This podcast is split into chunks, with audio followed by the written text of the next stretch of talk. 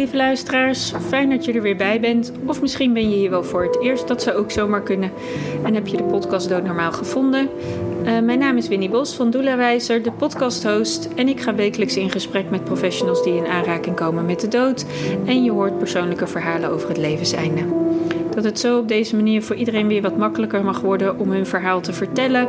Of met een ander in gesprek te gaan hierover. Mocht je deze serie waarderen, dan zou ik het super tof vinden als je een review of een beoordeling achterlaat op de podcastkanalen of op mijn website. En heb je mensen in je omgeving die behoefte hebben aan deze gesprekken? Uh, fijn als je dat dan met ze deelt. Waarvoor alvast hartelijk dank.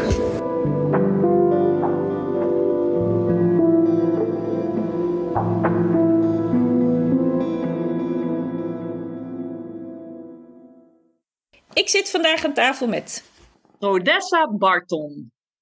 Schrijfster van een kort geleden gepubliceerd boek, De Zin van de Dood, met een prachtige ondertitel.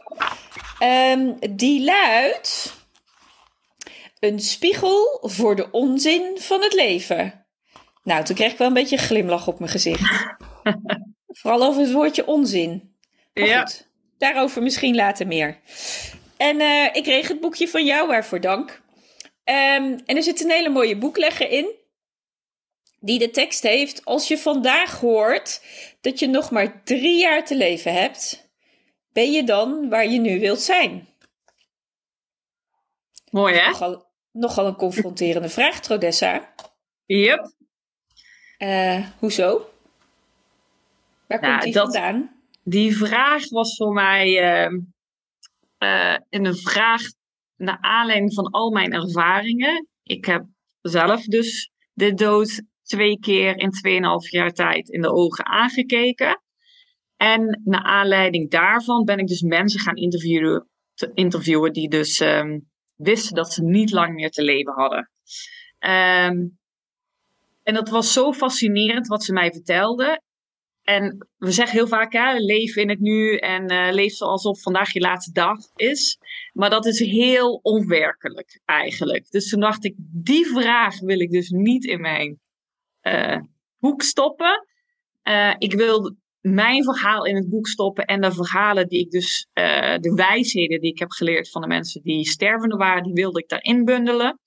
En ik wilde juist mensen triggeren van leef niet alsof uh, je, vandaag je laatste dag is. Nee. Wat als je dus nog drie jaar hebt? Dus dan heb je nog ruimte om te dromen.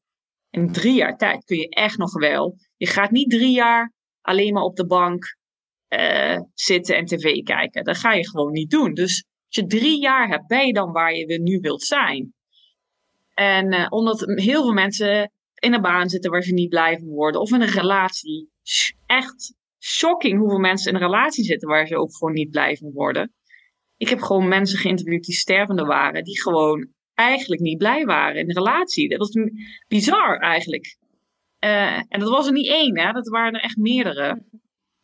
Uh, maar ja, die gingen nu niet meer weg.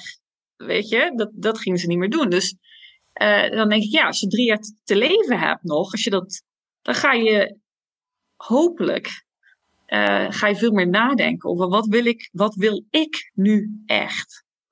Uh, dus in die zin gun ik ieder gezond mens het gevoel van zijn eigen sterfelijkheid.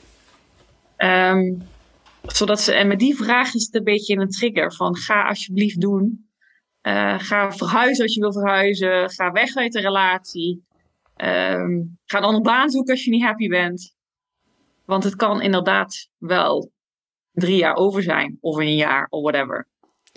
Ja, ik vind het zo mooi dat je in je boek zegt: met een gezond leven naar je eigen dood kijken verandert het leven in een speeltuin. Dan denk je: ja, ga, doen. Ja, maar hoe? Uh, en dat is ook wel, denk ik, even hakend op wat jij zegt, uh, wat je in de interviews hebt ontdekt. We leven niet in die speeltuin. Nee, en dat vind ik heel pijnlijk om te zien. Ja. Ja, dat we leven in een geconformeerde, ja. uh, met terugkerend patroon draaiende wereld. En als we het dan even in de in, eh, het individueel maken, voor veel mensen in een, in een patroon waarin we ons veilig voelen. denken veilig te voelen, moet ik denk ik even zeggen. Waarin we denken ons veilig te voelen en vertrouwd, omdat we eigenlijk in essentie. Um, er komt nu een woord in me op, ik weet niet of ik het uit moet spreken. nou, ik ben benieuwd. Ja, dat, we, dat we gewoon echt ongelooflijk in onze broek schijten voor het onbekende. Ja, dat is echt zo. Ja, en de dood, en daarom heet mijn boek ook De Zin van de Dood. Want de dood laat je wel zien, hé, hey, ik heb wel echt maar een beperkt tijd hier op aarde. En dan is het toch wel heel fijn dat ik die tijd wel zo waardevol invul. En, uh, en mensen die stervende zijn, of ze het uitspreken of niet. Daar wil ik mhm. ook bij, want er is een, mensen zeggen iedereen sterft zoals die heeft geleefd. Ik ben het daar niet mee eens. Ik ook niet. Dat is niet waar. En dat, maar dat zeggen veel mensen die in, in het wereldje van het dood wordt veel mhm. over gezegd. Ik, ben het, ik zou graag in gesprek met die mensen. Ik ben het daar niet mee eens.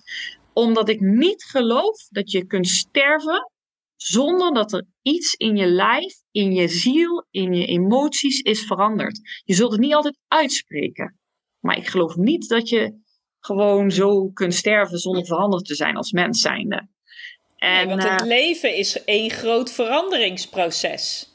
Ja, en veel mensen zitten dus zo vast en de dood laten ze in één keer zien van, oh shit, had ik maar dit en had ik maar dat. En, en we leven in, een, in een maatschappij waarin je voor je gevoel veel onmogelijkheden zijn, maar er zijn zoveel meer mogelijkheden dan onmogelijkheden. En voor mij is de dood en het gevoel van mijn eigen sterfelijkheid uh, echt zo'n eye-opener geweest. Want ik ben echt een uh, corporate uh, carrièreval geweest. Ik heb 15 jaar in, in een multinational gewerkt. Zeer ambitieus. Heel gedreven. En toen ik dus ziek werd met 36-jarige leeftijd met borstkanker. Als eerst. Dacht ik echt, wat ben ik in godsnaam mijn leven aan het doen. En ik vond het echt leuk voor mijn werk. Als je mij vroeg, vind je het leuk? Vond ik het fantastisch. Het bedrijf waar ik voor werkte was fantastisch. En ik had fantastische collega's. Ik heb vrienden voor het leven gemaakt. En toch voelde ik echt wel, ik ben alleen maar aan het werk. Ik had super jonge kinderen, drie en zes jaar oud. En ik was s'avonds te werk, in het weekend werk. Ik was gewoon, ik stond altijd aan. Altijd aan. En toen ik dus echt, ja, niet wist of ik wel of niet dood zou gaan, dacht ik, wat ben ik aan het doen? Ik wil het helemaal niet doen. En uh, ik had ook geen antwoord. Ik liep al rond met alleen maar vragen. Ik wist niet wat ik dan wel ging doen. En ja, en, uh, en toen ik dus uiteindelijk anderhalf jaar aan uh, flinke behandelingen, dacht ik wel van, oké, ja, maar ik ga niet meer doen wat ik nou heb gedaan, zeg maar. En acht maanden later beland ik weer in het ziekenhuis. in Afrika of all places met een hersenvlietontsteking. Ja, toen was ik letterlijk een soort van dood. Ja, en eh, dat was voor mij echt ook dat ik dacht van ja, weet je, gelukkig kan ik het navertellen, maar ik ga wel echt een leven leiden nu die ik echt wil. Niet wat vanuit overtuigingen of wat de maatschappij wil. Het maakt me niet uit hoe gek, het maakt me echt allemaal niet uit wat iedereen ervan vindt. En uh, ja, financieel, je, hebt, je moet geld verdienen. We leven nu eenmaal in een maatschappij waarin je geld verdient. Maar ook daarin is zoveel mogelijk. Uh, qua, ik ben een opleiding gaan doen. Weet je, er is zoveel meer. Je kunt je herscholen. Maar ik heb een boek geschreven. Weet je, daar had, je, had ik, als je dat mij zes jaar geleden had gezegd dat ik en kanker zou krijgen. En een hersenvliesontsteking. En een boek zou schrijven. Nou, dan had ik echt gedacht over wie heb je het. Niet over mij. Ja, dus, dus is dan eigenlijk, als ik dan even de titel van je boek en ook de ondertitel samenleef, samenbreng, heeft dan eigenlijk door de dood in de ogen te hebben gekeken, daarmee de onzin van het leven, uh, uh, heeft dat zichtbaarheid gekregen? Dat er eigenlijk heel veel onzin in het leven is? Ja, 100%. Zoveel. Zoveel wat anderen van je vinden, wat anderen van je denken. Uh, ik moet een bepaalde carrièrepad doorlopen. Uh, weet je, van alles. Ik, echt dat ik dacht van, ja, maar het boeit, het boeit me ook echt. Het boeit me allemaal. Ja, ik, heb, ja, ik wil ik, wil, ik heb geld nodig, dat blijf ik zeggen. Weet je, we hebben het nodig, we moeten eten en ik vind het fijn om op vakantie te gaan. Ja, maar ik zie alle mogelijkheden nu. Terwijl ik voorheen vast zat in een gouden kooi, zeg ik het even. Oké. Maar het was wel Ja. een kooi. Dus, nou interessant. Dus eigenlijk zeg je, eh, door eigenlijk de gouden kooi, ik, ik, ik neem dus mooie woorden, door de gouden kooi waarin je leefde, leefde je eigenlijk in een wereld waarin je ook meer alleen maar zag dat wat je had, maar niet zozeer zag dat er ook nog een wereld aan mogelijkheden bestond daarbuiten. Ja, 100 procent. Hmm. En ik was zo bang om uit, die, uit, uit dat wereld te stappen. Echt zo ontzettend bang. Want wat als ik niet op vakantie zou kunnen? Wat als ik dan niet uit eten zou kunnen? Of, weet je wel, die, al die gedachten gingen de hele tijd door me heen. En, maar ik voelde me gewoon niet vrij. Hmm. En, en dat ik uit die gouden, door de dood, de dood heeft mij in te laten zien van, ja, ik wilde niet op mijn sterk, er was altijd een innerlijke stem in mij en ik geloof dat iedereen dat ergens wel voelt als hij niet op zijn plek zit, waar dan ook, of het aan een relatie is of werk is of wherever, of een plek waar je woont, wat dat ook mag zijn. Je voelt ergens, er klopt iets niet. Dat voelt iedereen, daar ben ik heilig van overtuigd. Die niet op zijn plek zit dan, hè? En ik voelde dat, ik heb dat altijd gevoeld. Dat voelt iedereen. Daar wil ik een kleine nuance aangeven, want niet iedereen kan heel goed bij zijn gevoel. Dus die, er is dan misschien iets anders in het leven. Hè? Er overkomt je steeds eh, veel ongeluk, of eh, je wordt steeds ziek. Of eh, weet je, dat zijn ook signalen die eigenlijk signalen zijn dat, dat er gewoon iets in je leven niet op orde is. Dus sommige mensen voelen het niet in hun lijf, maar er gebeurt iets in hun uiterlijke wereld, hè, waarvan ze dan altijd denken: er gebeurt, hoe, hoezo overkomt mij dat altijd? Hè? Dat, dat zijn ook van die uitdrukkingen die ik mensen dan wel eens hoor zeggen. Denk ik, nee, het overkomt je niet. Het is allemaal een boodschap. Koekoek, hallo, word je wakker? Lingelingeling, klinkling. He- Heb je het in de gaten? Er is, iets, er is iets niet in orde. Er is iets wat maakt dat het schuurt, kraakt, piept. Geen idee wat, want dat enige die dat weet, dat ben je zelf. Maar alles wat er gebeurt in je leven is een soort boodschap van... Wil je het zien? Wil je het cadeautje wat erin zit, wil je dat ontvangen? Ja, daar ben ik ook heilig van overtuigd. Gelooft ook niet overal iedereen in natuurlijk, maar ik, ik geloof daar wel in die zin in. Maar vaak is ook een vraag die mensen die wel minder in hun gevoel zitten, als je die wel zou vragen, wat als je krijgt, vandaag krijgt horen dat je nog drie jaar te leven hebt, blijf je dan wel waar je zit?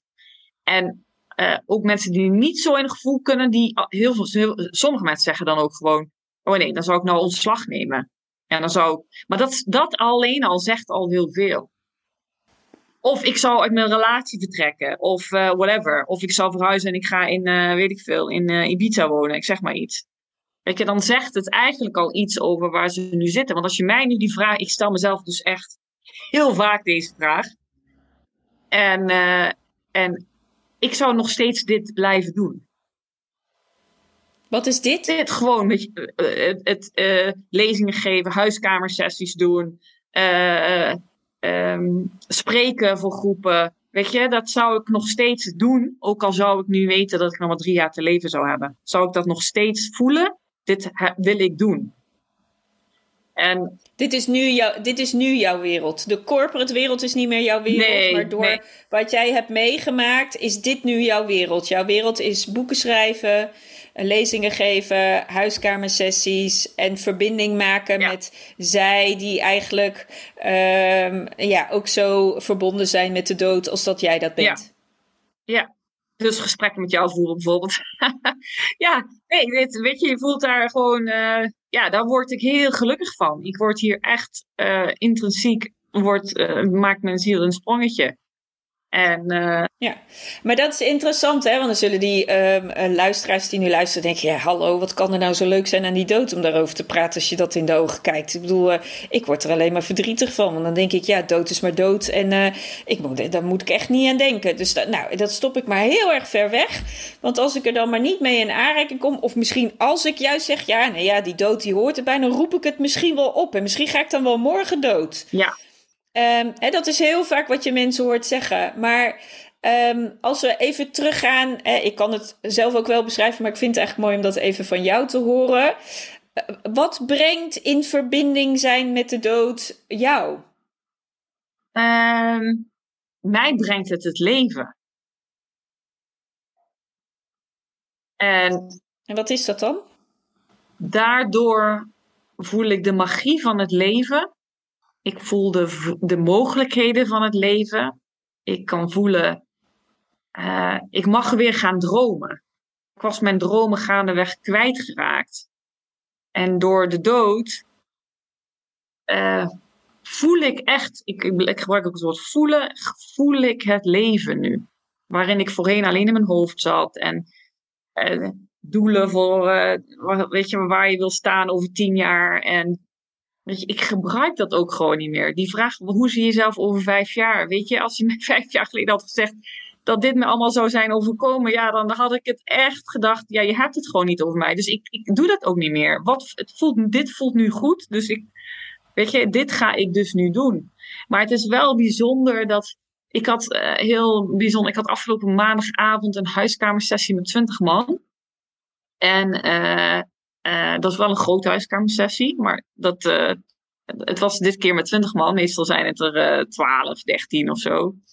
en toen hadden we het dus hierover. En keer op keer, en, dat bij iedere huiskamersessie is dit ook zo, of bij iedere lezing is dit ook zo, als ik in gesprek ga met de mensen, dan is het ook, dan hebben we het hierover. En als je ze vraagt, ja, durf je dan aan je eigen dood te denken? En dan zeggen toch de meeste mensen, Nee. En het zijn mensen die veel zelf met de dood in aanraking zijn gekomen, die vaak wel uh, na zo'n huiskamersessie, die hebben iemand verloren, of uh, die merken toch een bepaalde angst, of die um, hebben onverwerkte rouw omdat een ouder is, geen afscheid hebben kunnen nemen, of wat dat dan ook is. En toch, als, je, als ik dan mijn verhaal vertel, dan knikken ze. En als ik dan vraag van, joh, kun je naar je eigen dood kijken? Nee, dan, dan slaan ze wel echt dicht. Terwijl voor mij zit hem daar zit het wel vaak in. Van door je in hoeverre je dat natuurlijk kunt doen als helemaal gezond mens. Maar je kunt je wel enigszins voorstellen. En ja, daar zit het er wel in. Maar toch vinden mensen dat wel heel spannend om te denken: ja, maar wat als ik nu dus echt inderdaad heel de wereld moet loslaten? Ja, toch denk ik dat je daar moet zijn.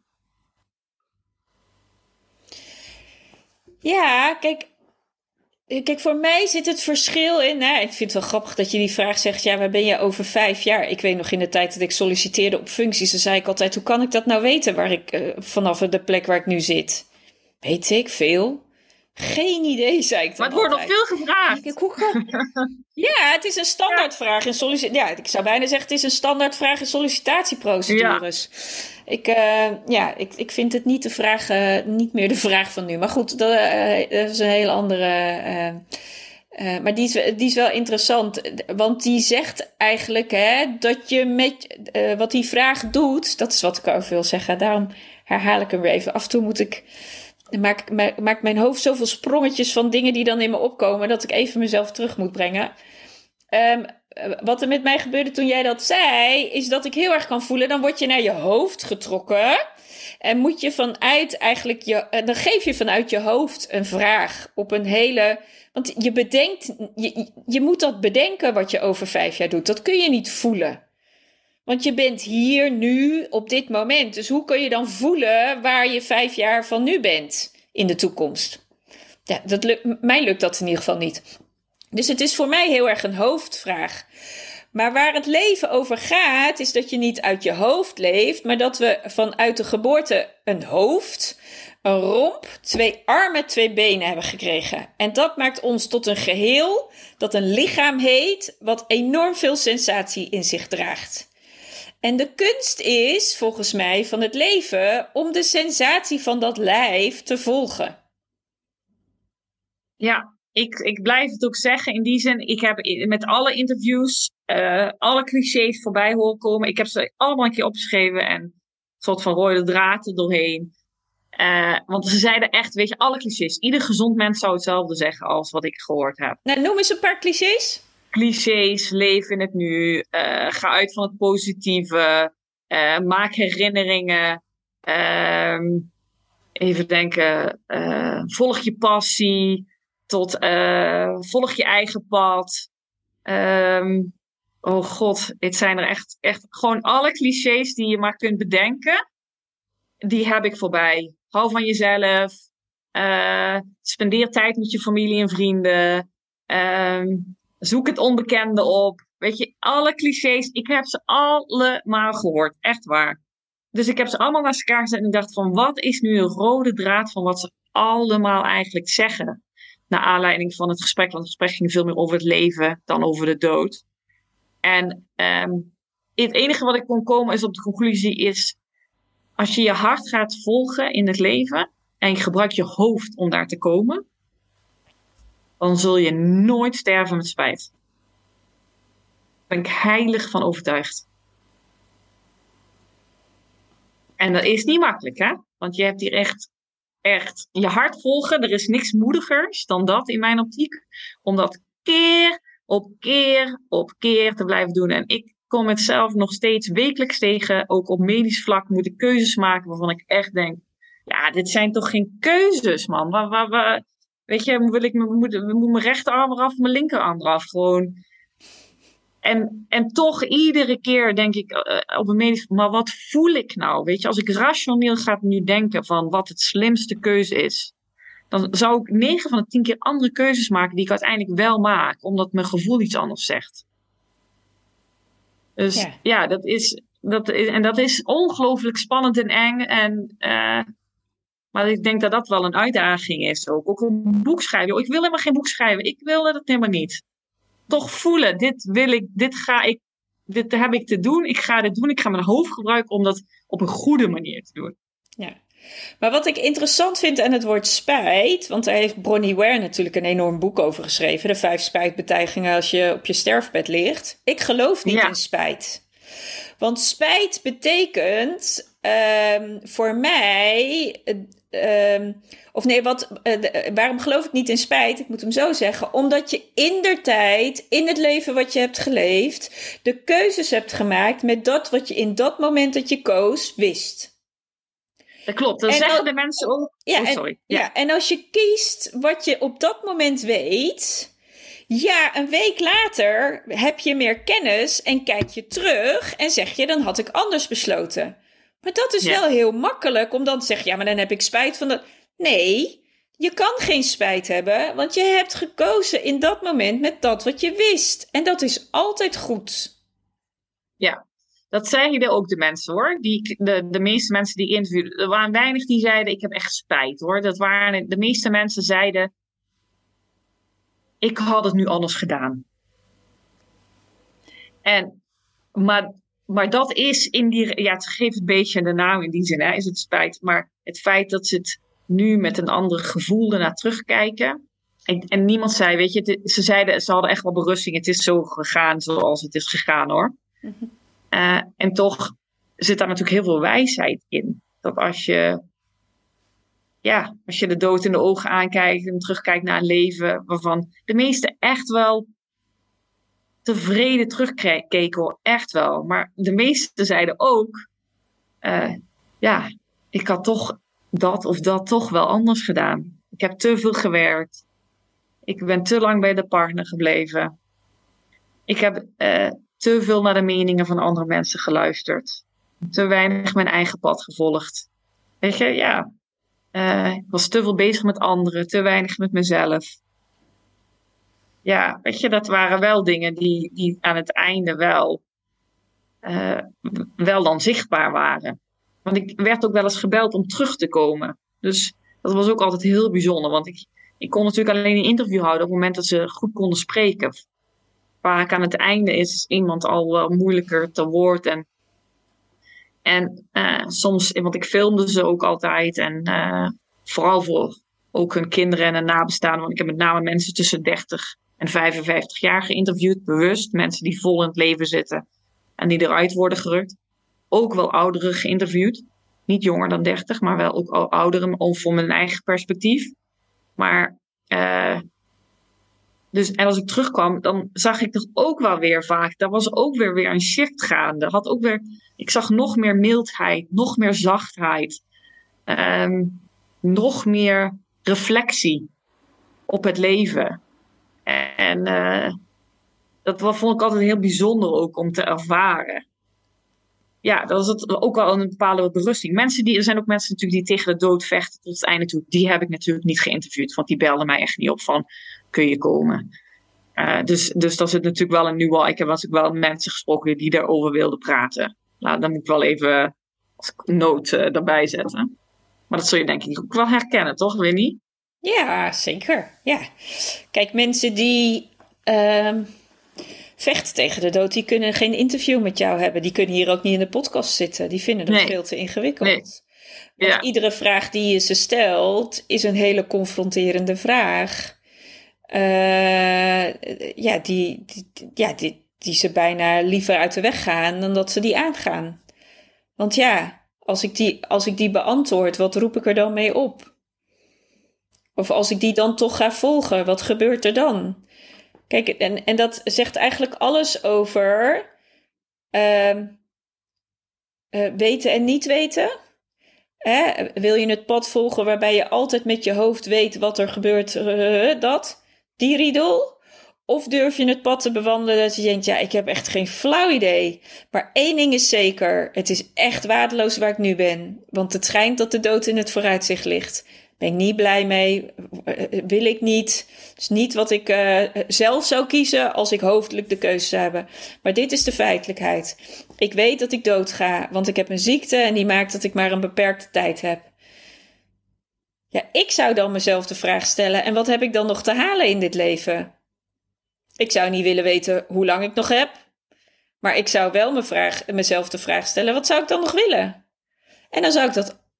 En, en, en dat dan ook weer in ieder moment opnieuw uh, voelen of dat nog steeds klopt. Maar ik zou niet een eindeloze lijst gaan maken van, oh nou dan nog dit en dat. Nee, dan zou ik gewoon volgen. Oké, ik ga nu leven alsof, dan zou ik dus wel gaan leven. Ik zou gaan leven dat iedere dag mijn laatste dag is. En er alles uithalen wat er uit te halen valt.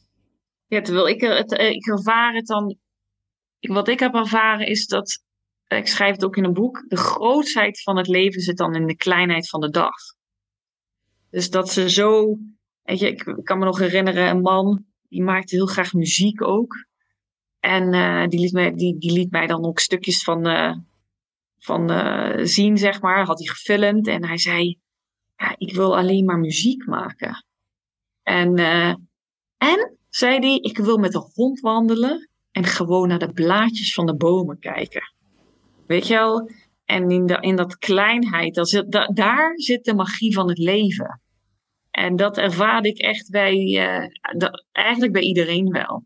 Het zat hem zo in, yeah. in, in een knuffel van een kind, in, in, in het in diepgaand gesprek met iemand.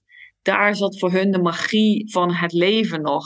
En dat vond ik zo voelbaar als ik naar huis reed is uh, de regendruppels op mijn lichaam voelen. En weet je wel, dat. Dat vond ik zo magisch. Je gaat, ja, ja, je gaat eigenlijk terug. Dat, ik bedoel, die zie ik ook wel gewoon al nu in mijn feitelijke leven. Je gaat veel meer terug naar de eenvoud van het leven. Dus als je, en nou ja, dan beschrijf ik even hoe dat dan voor mij is. Hè. Ik, ik ga nog lang niet dood. Althans, ik heb geen diagnose die zegt uh, je hebt beperkte tijd. Dus ik ga ervan uit dat ik nog aardig wat heb. Maar ondanks dat leef ik in het hier en nu met, met weinig. Ja. Hè, ik, ik, heb, uh, ik woon in een kleine ruimte. Ik deel, mijn, uh, ik deel mijn huis met anderen. Omdat ik denk, ja, wat moet ik met uh, al die ruimte? Dus ja, dus die deel ik met anderen. Omdat ik denk, ja, ik heb zelf maar weinig nodig. En de rest die deel ik dan met anderen ook gewoon in de dagelijkse dingen van de dag. Ik kan blij worden met een kopje koffie drinken bij mijn favoriete koffietentje. Ja, en dan heerlijk, bijna ja. een, dikke, een, dikke brede glimlach op mijn mond krijgen. Omdat er een mooi hartje of een zwaantje of nou ja, een bloemetje of wat er dan ook in getekend is met melk. Dat ik echt denk, nou, klaar, de rest van de dag is oké. Maar wat ik dus zie is, ik heb weinig spullen ik, uh, uh, ik hoef niks te hebben, want het gaat mij niet om bezit. Ik, ik geloof dat bezit mij niets geeft. En als het me iets geeft, dan is het ballast. Weet je, dus bezit zie ik als een soort ballast. Van ik denk, ja, ik wil geen ballast. Dus alles wat ballast geeft, ploep, weg. Dus dat gooi ik dan ook echt letterlijk weg. Dus ik, ik heb de dingen die ik in huis heb, heb ik om te leven. Dus ik heb een bed om op te slapen, om het comfortabel te maken.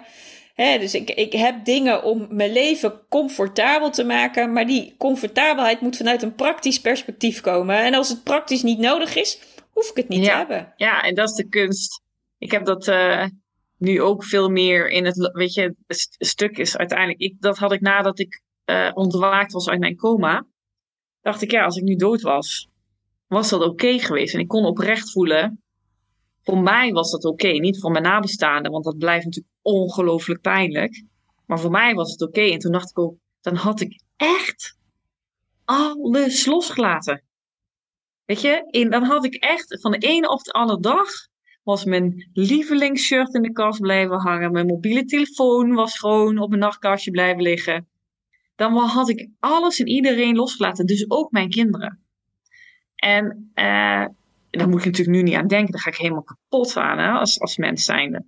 Maar nu als we door mijn huis gaan, denk ik, ja, vind ik het erg als ik, ja, als ik er morgen niet ben, dan, dan, is het er ook niet, dan is het er ook niet meer. En ik weet je, het is natuurlijk fijn om een gezellig huisje te maken, om het fijn te maken voor jezelf. Maar ja, mijn man, mijn, mijn vader, die heeft echt zoveel spullen en boeken en och.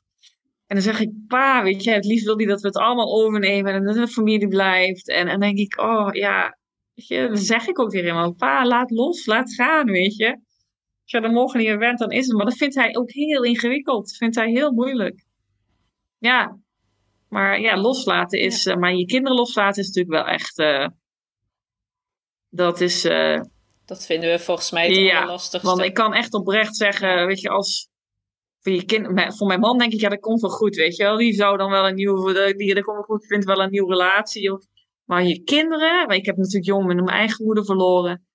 En uh, ja, dat is, dat is nog steeds zo'n enorme gemis natuurlijk.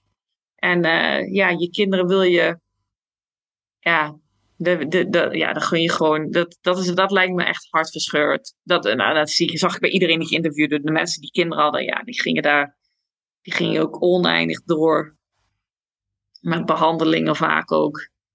En ik, ja, dat, eh, dat vond ik heel pijnlijk om te zien, maar ik snap het wel. Ja, ik snap het. Je kinderen loslaten is heftig, ja.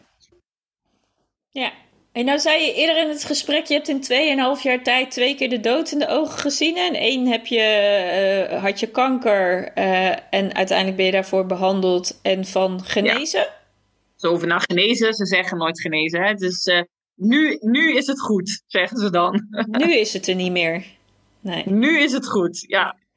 Morgen kan wel zijn, maar nu is het goed. Ja, nu is het goed. En zit je daar nog voor in een controletraject waarin je steeds weer opnieuw uh, een check krijgt? Ja, ik moet daar continu. Uh, ja, ja, ja, zeker. Ja. En ik heb ook uh, in die zin niet aangeboren hersenletsel, heb ik dus ook.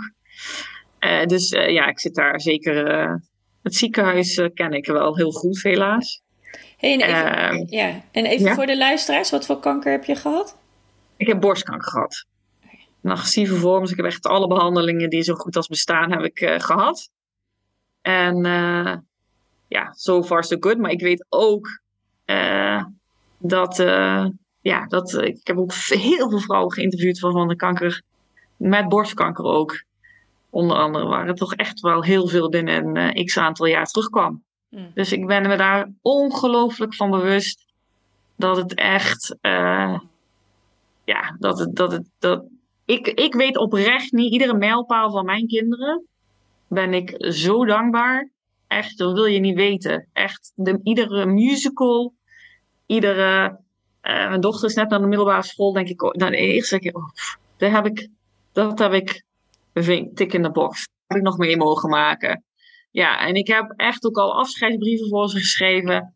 Uh, mocht ik er niet zijn. Ik heb een boek geschreven. Dus in die zin, ik heb mijn man ook geïnterviewd. Ik heb mijn vader geïnterviewd. Ik heb uh, gewoon om hun wel met iets achter te laten, wat ik dus niet heb gehad. En, uh, en ik hoop dat ik nog tien afscheidsbrieven moet, mag schrijven, bij wijze van. Maar, dus ik ben super mindful met, we hebben bijvoorbeeld, ondanks de laatste dag van de vakantie, zomervakantie, hebben wij een food fight gehouden. Een food fight? Dat taart oh. gekocht een food fight. Dus wij, ik en mijn man hadden een taart gekocht. Ik zeg, we gaan het doen. Hij zegt, maar mijn man zei, oh, dat is toch een, dat is toch een zooi. Dat gaan we toch niet.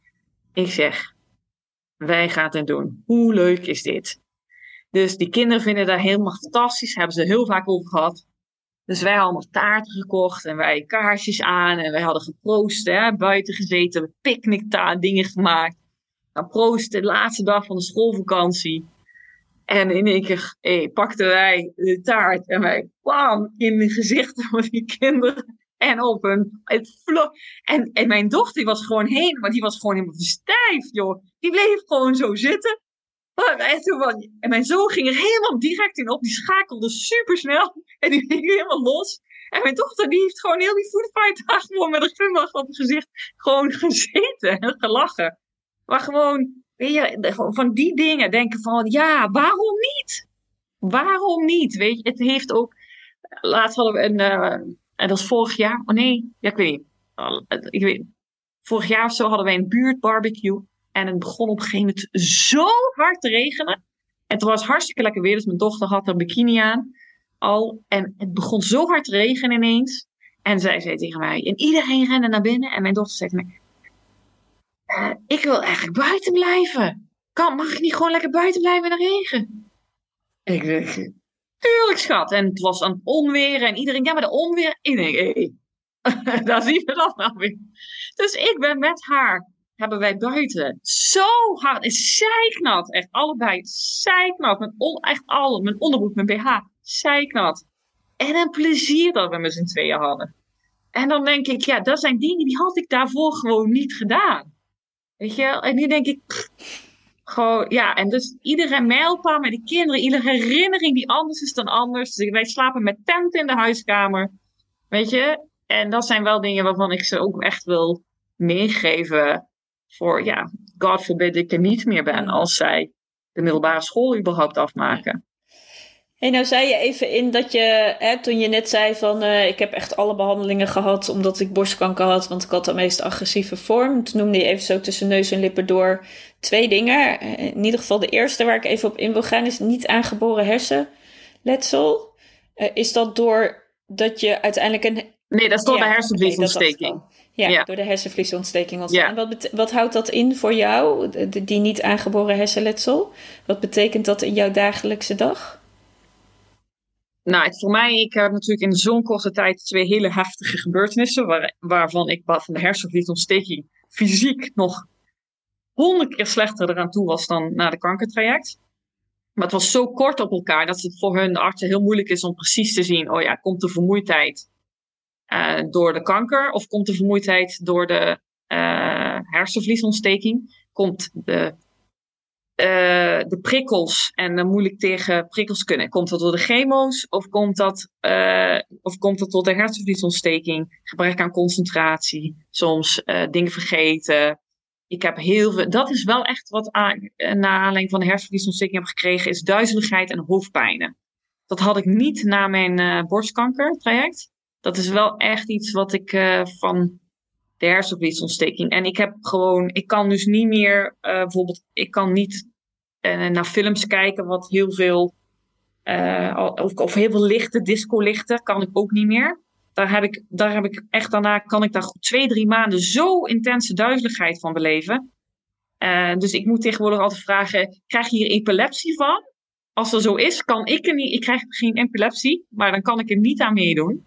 Dus ik was laatst in de kermis met de kinderen en die gingen die wilde zo'n spiegelroute uh, doen. En daar waren allemaal lichten en van die. En in, ik had al kaartjes gekocht. Ik denk, dat ga ik doen. En in één keer zag ik al die lichten. En dacht ik, volgens mij kan ik dit helemaal niet.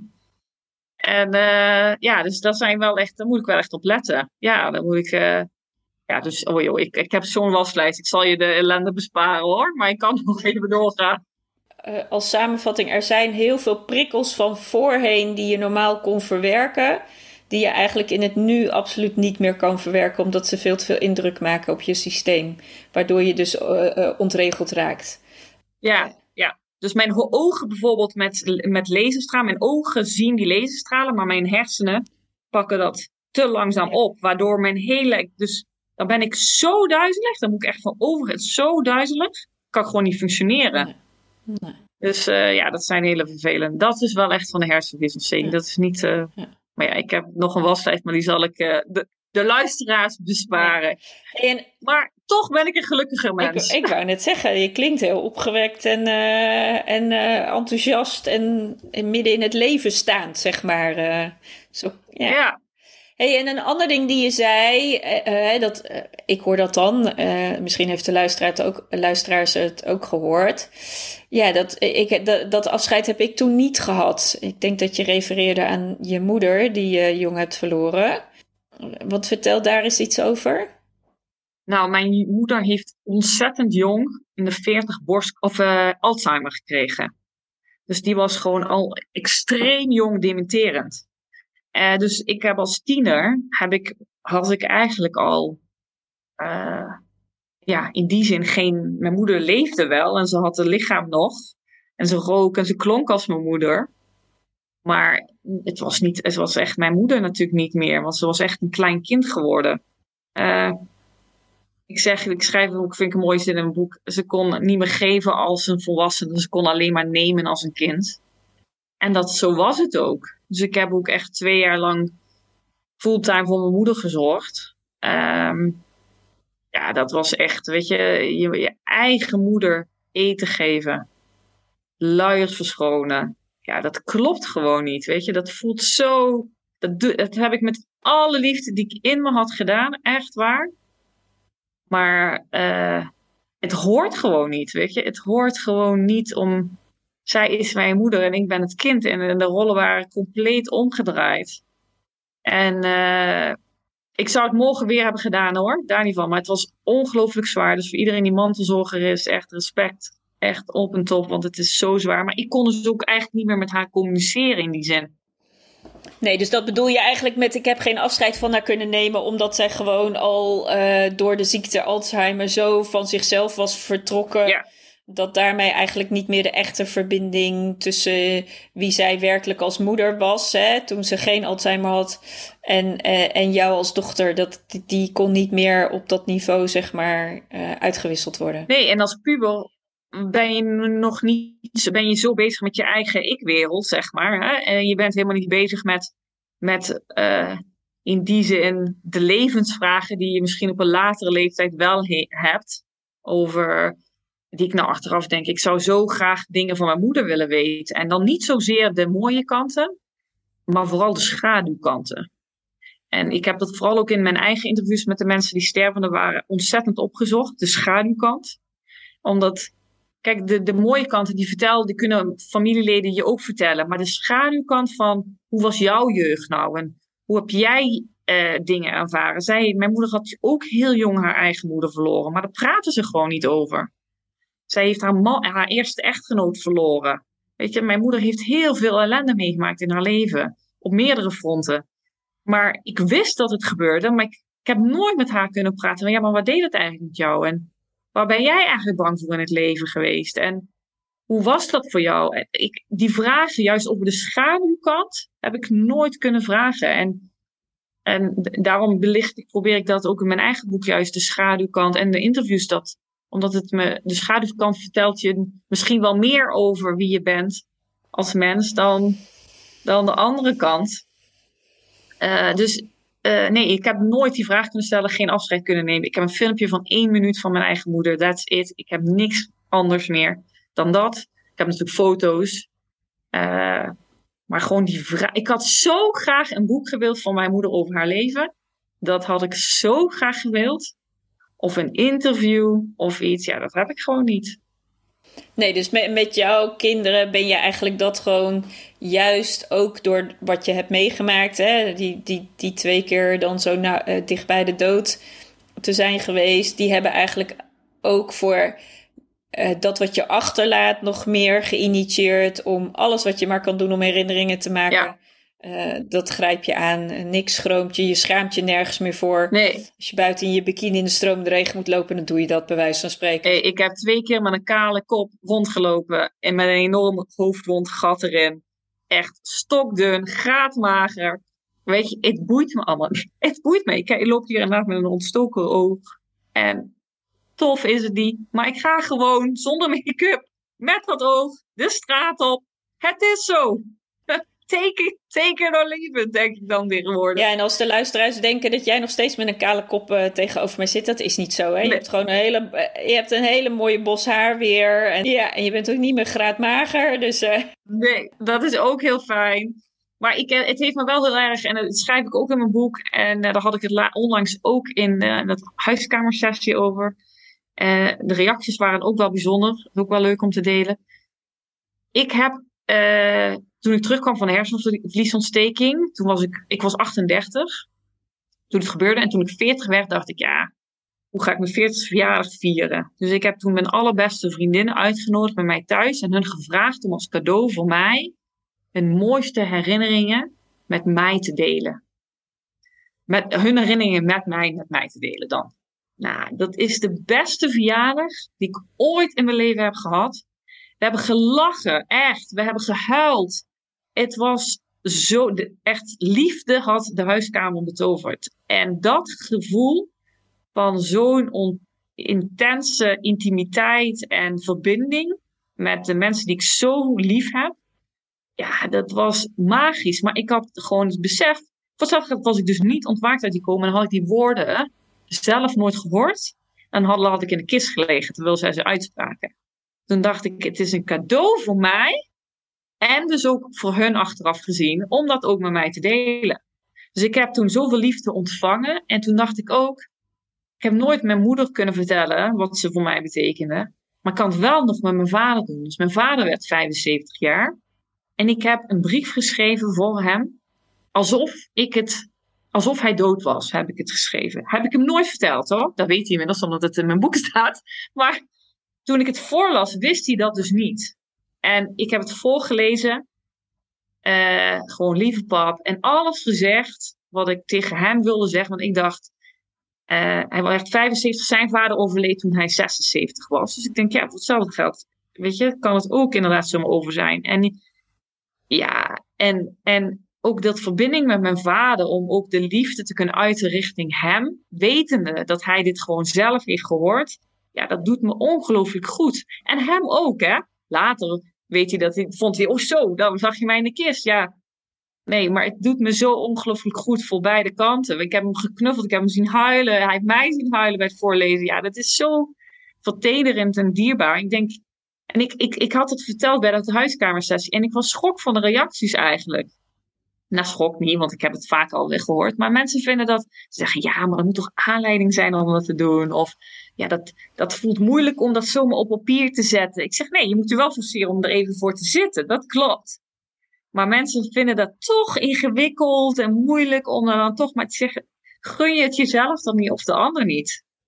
Dan vinden ze dat ze de ander opleggen of iets opleggen om het te doen. En ik denk, dat is de mooiste cadeau die iemand kan geven of vragen. Ja. Leg je het niet maar je maakt daar eigenlijk ook twee dingen mee zichtbaar. Pijn vinden we lastig. Ja maar de liefde ook. Ja, ja, dat klopt. Terwijl allebei, als je ze aanraakt en er gewoon verbinding mee maakt, de meest magische dingen tot stand kunnen brengen. Maar dat vraagt wel moed. Ja, 100%. Ja, het vraagt moed, moed om erin te gaan staan en dan te zeggen: ja, maar uh, dit is hoe ik me voel. En dit is, dit is wat, het, wat het me doet en wat het me geeft. En nou ja, noem alles maar op wat je er dan in kwijt wil. Maar liefde en, ja, eigenlijk moeten we zeggen de twee L's. Liefde en lijden. Ja, weet je, het zijn de meest fascinerende uh, uh, ja, reizen die je in je leven kunt maken. Ja, absoluut. En, en liefde kan niet zonder lijden, volgens mij. En lijden niet zonder liefde. Ja, ja het is, ja, eens. Ja, moet ik even over nadenken. Nou, kijk, liefde. Waarom zeg ik dat zo? Omdat het soms ook in de liefde. Kijk naar relaties. Hè? Kijk naar als je in relatie bent met. Nou, we nemen even jou als voorbeeld. Jij in relatie tot je man.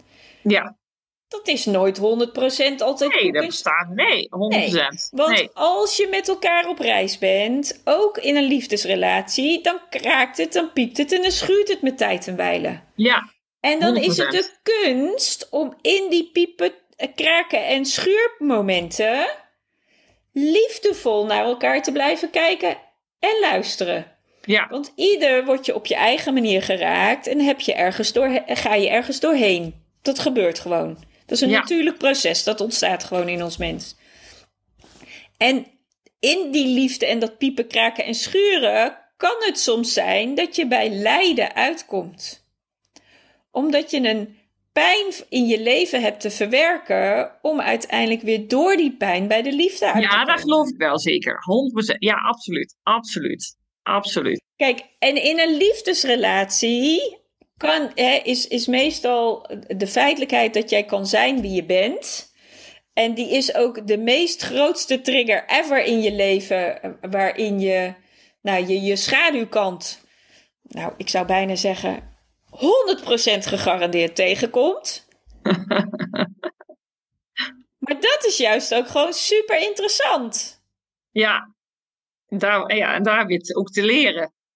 Ja, want daar zitten, daar zitten de cadeautjes om uit te pakken. En dat is ook zo, want dat, de schaduwkant opzoeken, dat vinden mensen ook ontzettend moeilijk. Dat merkte ik ook in interviews. En bij sommige mensen kon ik daar wat meer. Ik, ik zei al van tevoren al, ik ga de schaduwkant opzoeken. Dus ik had ze al van tevoren gewaarschuwd eh, dat ik dat ging doen. Maar de een vond het echt wel een stuk makkelijker om over te praten dan de ander. Dat is 100% waar. Ja. Ja.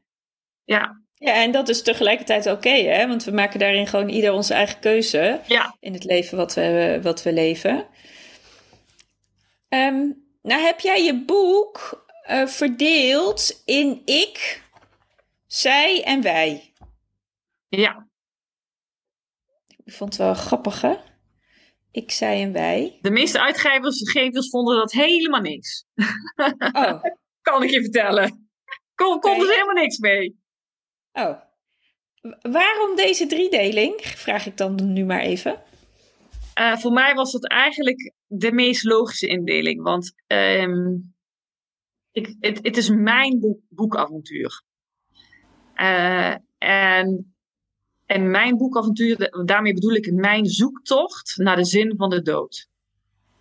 Dat is, e- dat is echt mijn intrinsieke motivatie geweest. Is mijn eigen zoektocht naar de zin van de dood. En dat begint met mij. Met mijn stuk. Door wat ik mee heb gemaakt eh, met het overlijden van mijn moeder, borstkanker, hersenvliesontsteking, heeft de dood mij echt enorm veranderd.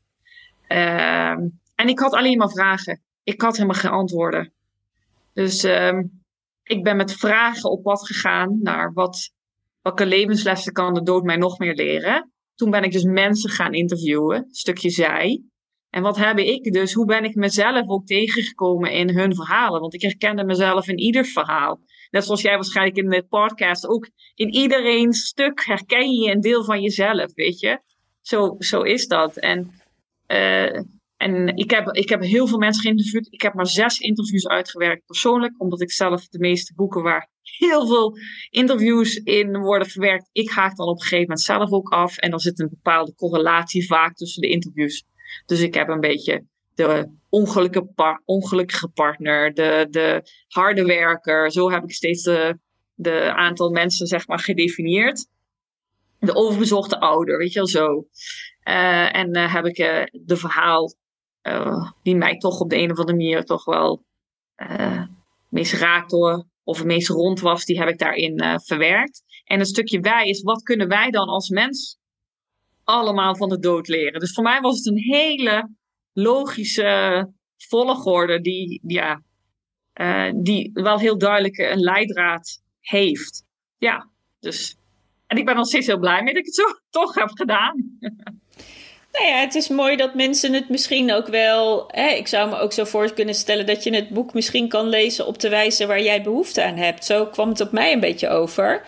Dat als je denkt, oeh, ik, poeh, dus misschien wel Ja. heel confronterend ik, dan denk ik, nou, weet je wat, ik ga liever eerst naar het stukje wat wat meer afstand heeft. Ja. Hè, wij voelt een beetje af, afstand. Althans, Ja. zo komt het in ieder geval op mij over. En kan ik me voorstellen dat het ook op mensen overkomt.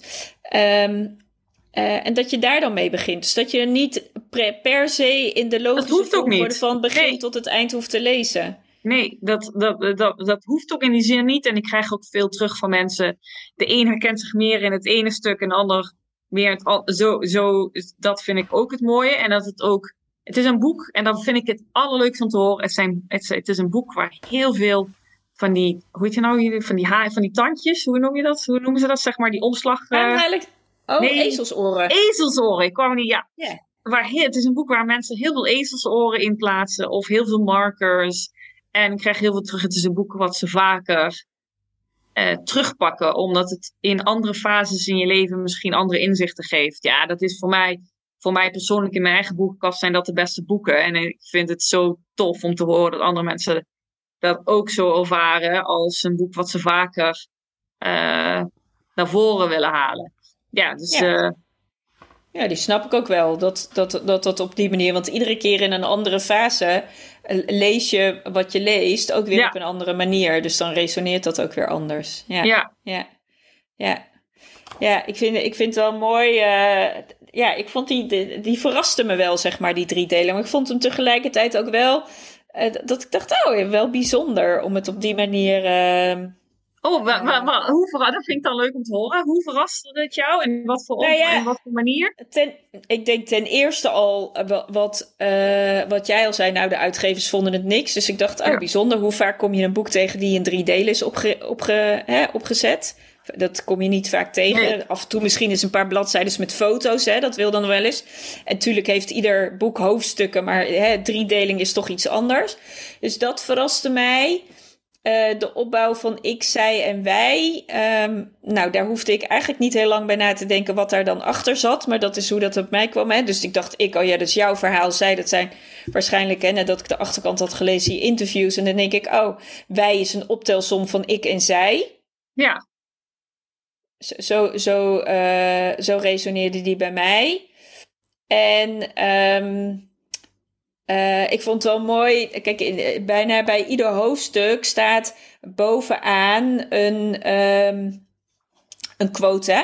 Ja. Een, een of andere quote van Ja. of een beroemde of een eh, niet beroemd. Of nou ja, eh, sommige mensen Ja. kennen sommige eh quotemakers wel of niet. Hè? Dat, dat zal bij iedereen verschillen. En alleen al door die quotes. ehm, nou, laat ik het zo zeggen. Al zou ik het boek alleen op de quotes lezen, dan is het al heel waardevol. dan heb je ook al heel veel. Ja. Ja, dat, kli- dat klinkt misschien een beetje. eh, ja, terwijl ik het zeg, dan klinkt misschien ook een beetje lullig. Maar ehm, Nee, ik snap het Nee, helemaal. Er staat gewoon Ja. ongelooflijk mooie quotes in. ja, de, de quotes zijn, zijn echt veelzeggend. Ja. En, ehm, dus dat vind ik mooi, dat daarmee gewoon heel, e- heel essentieel ook naar het haakje van de titel van het boek en ook de ondertitel, dat er ook Ja. met die quotes daarin heel erg naar ja, die kapstokjes worden gemaakt. Dus dat eh, vond ik mooi. En ik vond de kaft echt verrassend prachtig. Ja, tof hè? Ja, omdat voor mij, want je hebt hem mij toegestuurd en ik maakte hem open. En voor mij was gelijk, oh ja, licht en schaduw. Aan beide kanten ook hè? Ja, ja, ja, ja, ja. Dus voor de mensen die mijn boek nog niet, voor de luisteraars, ik heb een boom op de voorkant van mijn boek. En aan de ene kant is licht en aan de andere kant is donker. Dus aan de ene kant aan de kant waar het licht is, is er een dode boom. En aan de kant waar het donker is, is een levende boom. En juist dat zowel in het er is altijd licht en er is altijd donker in. It's just one big circle. En dat is heel, en het is met bladgoud, dus het is ook nog heel mooi uh, geïllustreerd door Nina Nijland. Verdient alle credits hiervoor. Uh, ja, heel dankbaar daarvoor. Ja, maar tegelijkertijd jij, zeg jij, er is een dode boom en een levende boom. Maar een dode boom bestaat niet. Want een boom... Nee, helemaal alle, waar. Het heeft ja. ten alle tijden leven. Want in de tijd dat hij zich terugtrekt in ja. zijn natuurlijke proces... vindt er ondergronds van alles en nog wat plaats... om uiteindelijk te kunnen zorgen dat hij daar weer zichtbare leefbaarheid... naar de wereld kan vertonen ik geloof daar helemaal in. Ik geloof ook in zielen en in het hiernamaals. En dat geloof ik allemaal in. Maar dat gelooft natuurlijk ook niet iedereen. In de huiskamersessie waar ik ook nog maandag was, refereer ik steeds aan terug. Twintig man. En dan vraag ik, vroeg ging ik ook in, hè? is er leven na de dood? Wat geloof je? En ik heb dat nog geen één keer meegemaakt bij een huiskamersessie. Maar ik vroeg, geloof je dat je je dierbare ooit nog een keer zou zien? Niemand stak zijn hand op. Dat heb ik nog nooit meegemaakt, toch? In een huiskamersessie. Meestal was het gemileerd, weet je wel. Iemand gelooft dat er niks is of ze weten het niet. Maar of ze geloven het wel in. Maar niemand, echt. Ik was flabbergasted gewoon. Ik zeg, nou, daar heb ik nog nooit meer. En dan met twintig man. Niemand geloofde erin. Ja, bijzonder. Ja, ik geloof er heilig in, dus... Uh, maar goed. Ja, we mogen allemaal geloven wat we mogen geloven. En dat, is altijd uh, goed, 100%. Absoluut, absoluut. Ja. Dat vind ik alleen juist heel leuk dat we allemaal iets anders geloven. Dat, dat maakt het voor mij ook weer heel interessant. Ja, ja zeker. Ja, en wat, en wat jouw boek natuurlijk um, um, zichtbaar maakt, en dat vind ik wel heel erg mooi om dan nog even je titel en je ondertitel uh, wat nader. Uh, wat nader te nemen. Kijk, de zin van de dood, hè, dat zal voor sommige mensen zeggen: zin, zin. Wat, wat is de zin van de dood? Ik bedoel, hoezo heeft de dood zin? Hè? Die vraag roept het, denk ik, bij vele mensen hmm. op. Um, waarin ik hem eigenlijk meer lees van de zin van de dood. Als je met de dood verbinding kan maken, dan komt er zingeving uit je verbinding voort. Dat is hè, zoals ik hem in ieder geval ervaar. En je ondertitel is natuurlijk de spiegel van de onzin van het leven. Kijk, de spiegel, zo, zo leef ik in hier. Iedereen die je ontmoet is een spiegel. Een spiegel in je levensreis. Maar de spiegel die de dood je geeft, is eigenlijk dat hij je zegt: als jij verbinding. Als jij verbinding met mij maakt, um, kun je dan zien wat ik je eigenlijk wil bieden. Ja, prachtig.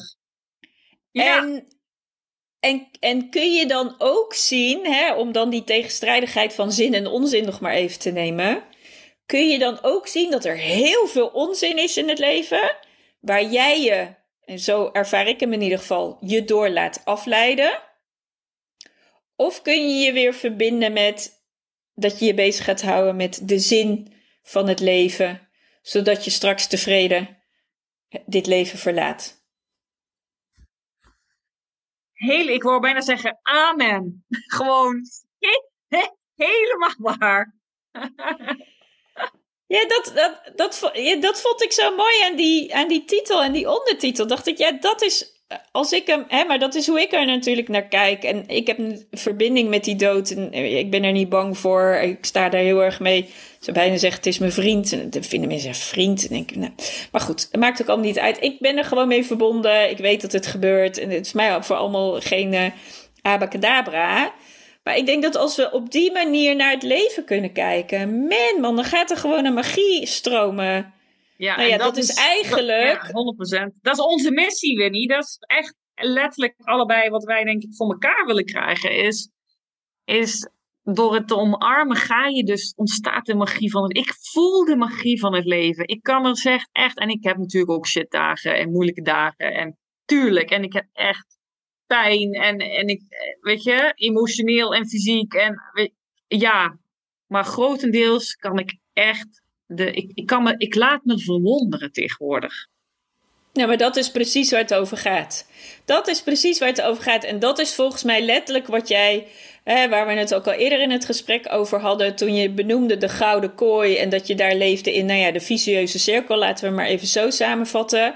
En dat je toen je door hè, je ziek zijn uh, en dan ook nog eens twee keer in aanraking met de dood uit die gouden kooi werd getrokken, want dat was dat was wat er gewoon door wat het leven je aanraakte gebeurde.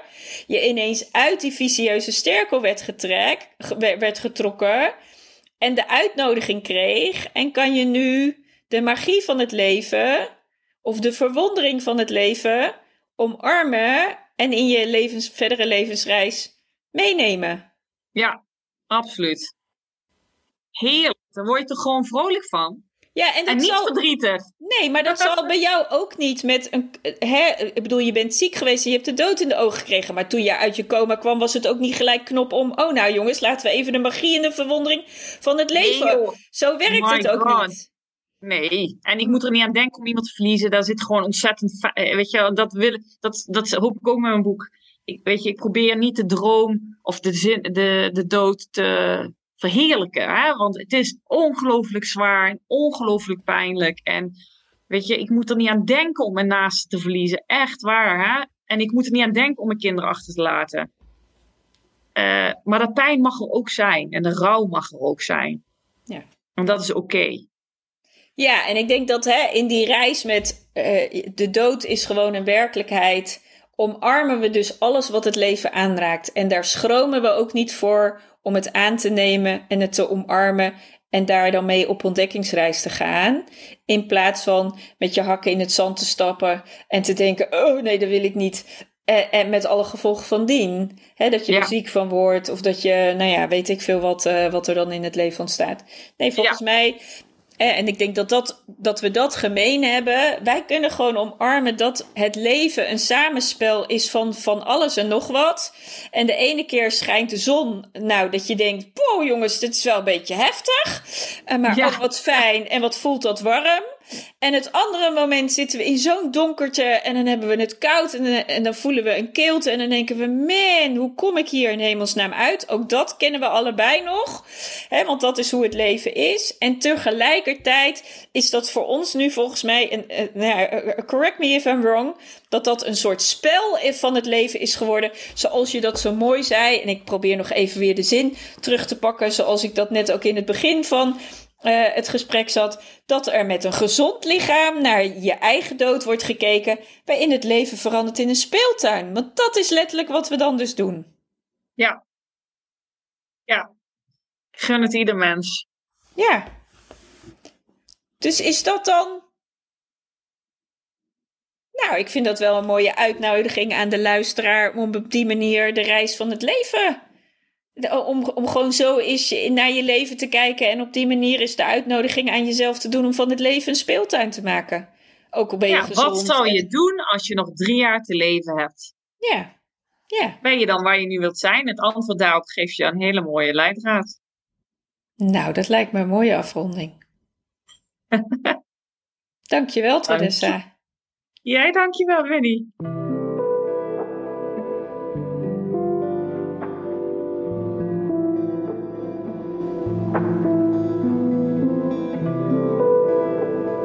Dat was hem weer voor deze week. Uh, dankjewel voor het luisteren. Fijn dat je er weer was. Uh, mocht het nou zo zijn dat je vragen hebt of opmerkingen of suggesties of wensen voor onderwerpen of heb je gasten die je kunt aanreiken, dan sta ik er altijd voor open. Uh, dankjewel als je met me mee wilt denken. Uh, hetzelfde voor het delen. Deel het met je vrienden, bekenden, familie, wie dan ook in je omgeving. Want hoe meer de verhalen verspreiden, ehm, hoe beter het is. En uh, voor nu, tot de volgende aflevering.